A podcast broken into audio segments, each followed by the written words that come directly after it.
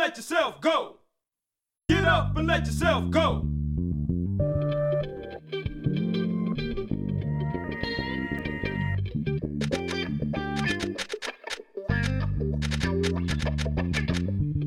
Shake it up, shake it up, shake it up. Hei og velkommen til denne podkasten fra Tro og tvil. Mitt navn er Jon Arne Carstensen. Tro og tvil er et økonomisk nettverk som starta med å ønske å stimulere til gode og sanne samtaler og refleksjoner rundt tro og tvil. Men nysgjerrige som vi er, så jafser vi jammen over en del naturvitenskap, religionshistorie, døden som tema også. Du finner oss på nett på www.trotvil.no. Vi vil i denne podkasten ta opp både enklere betraktninger som går over én episode, men også større temaer som går over flere episoder. Noen av de større områdene vil være religionshistorie, Guds vesen og døden. Temaet vil også påvirkes ut fra hva dere ønsker tatt opp, så skriv gjerne inn spørsmål og kommentarer til post alfakrøll trotvil.no, så svarer vi så fort vi klarer.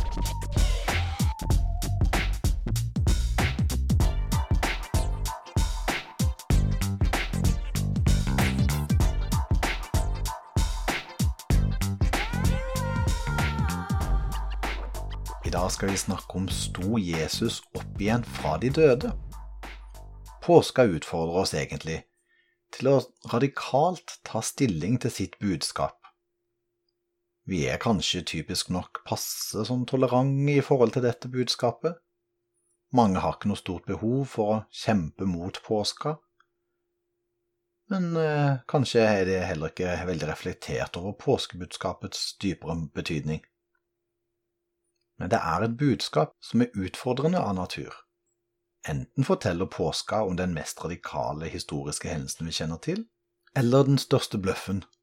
Så hva tror vi? Som mer utførlig behandla i andre artikler her, har fortellingen om Jesu liv, korsfestelse og oppstandelse ekstraordinært god kildedekning sammenlignet med andre antikke personer og hendelser.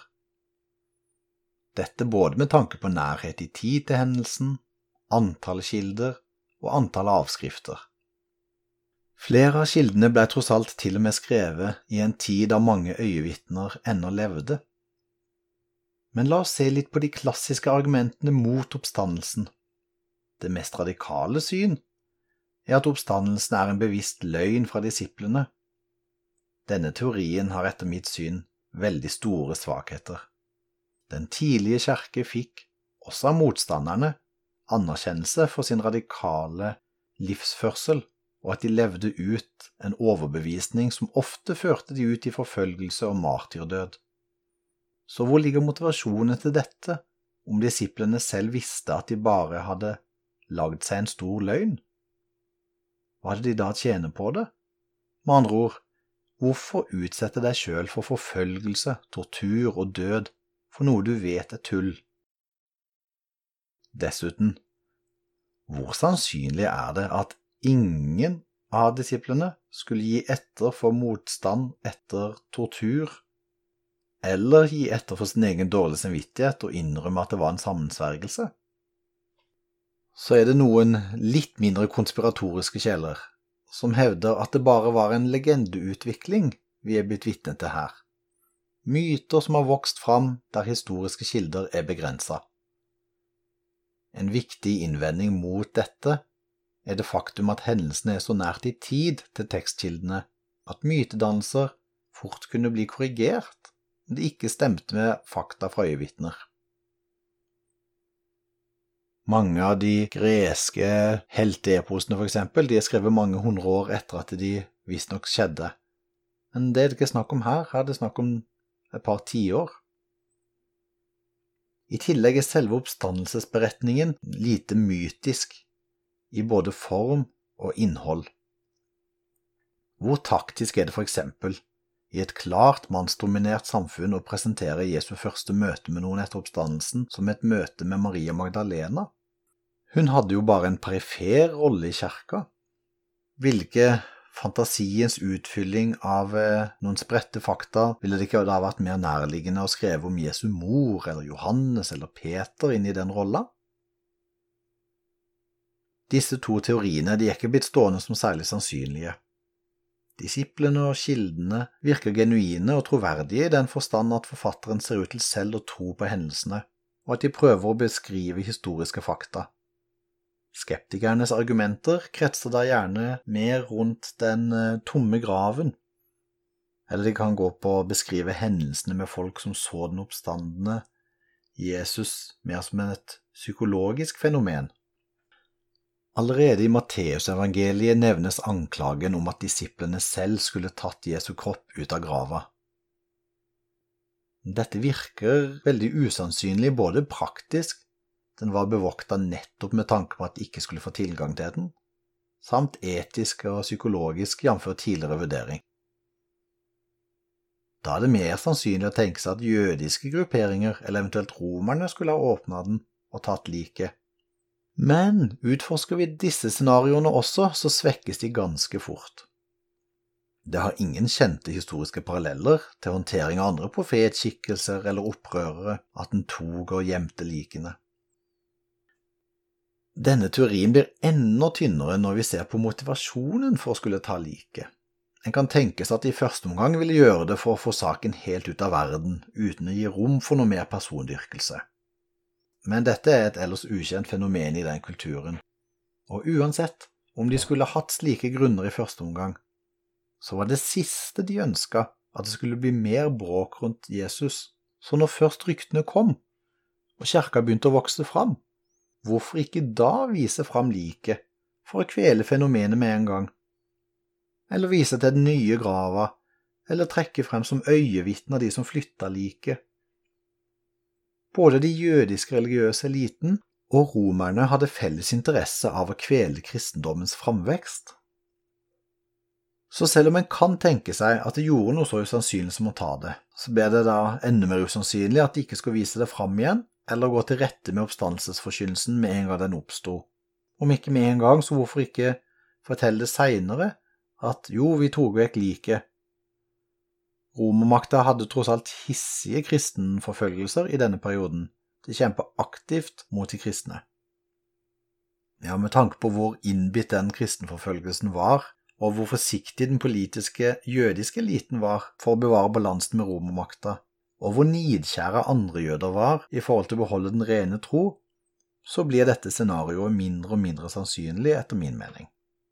Det har kommet andre kreative forsøk på å forklare den tomme grava, blant annet at kvinnene kom til feil grav.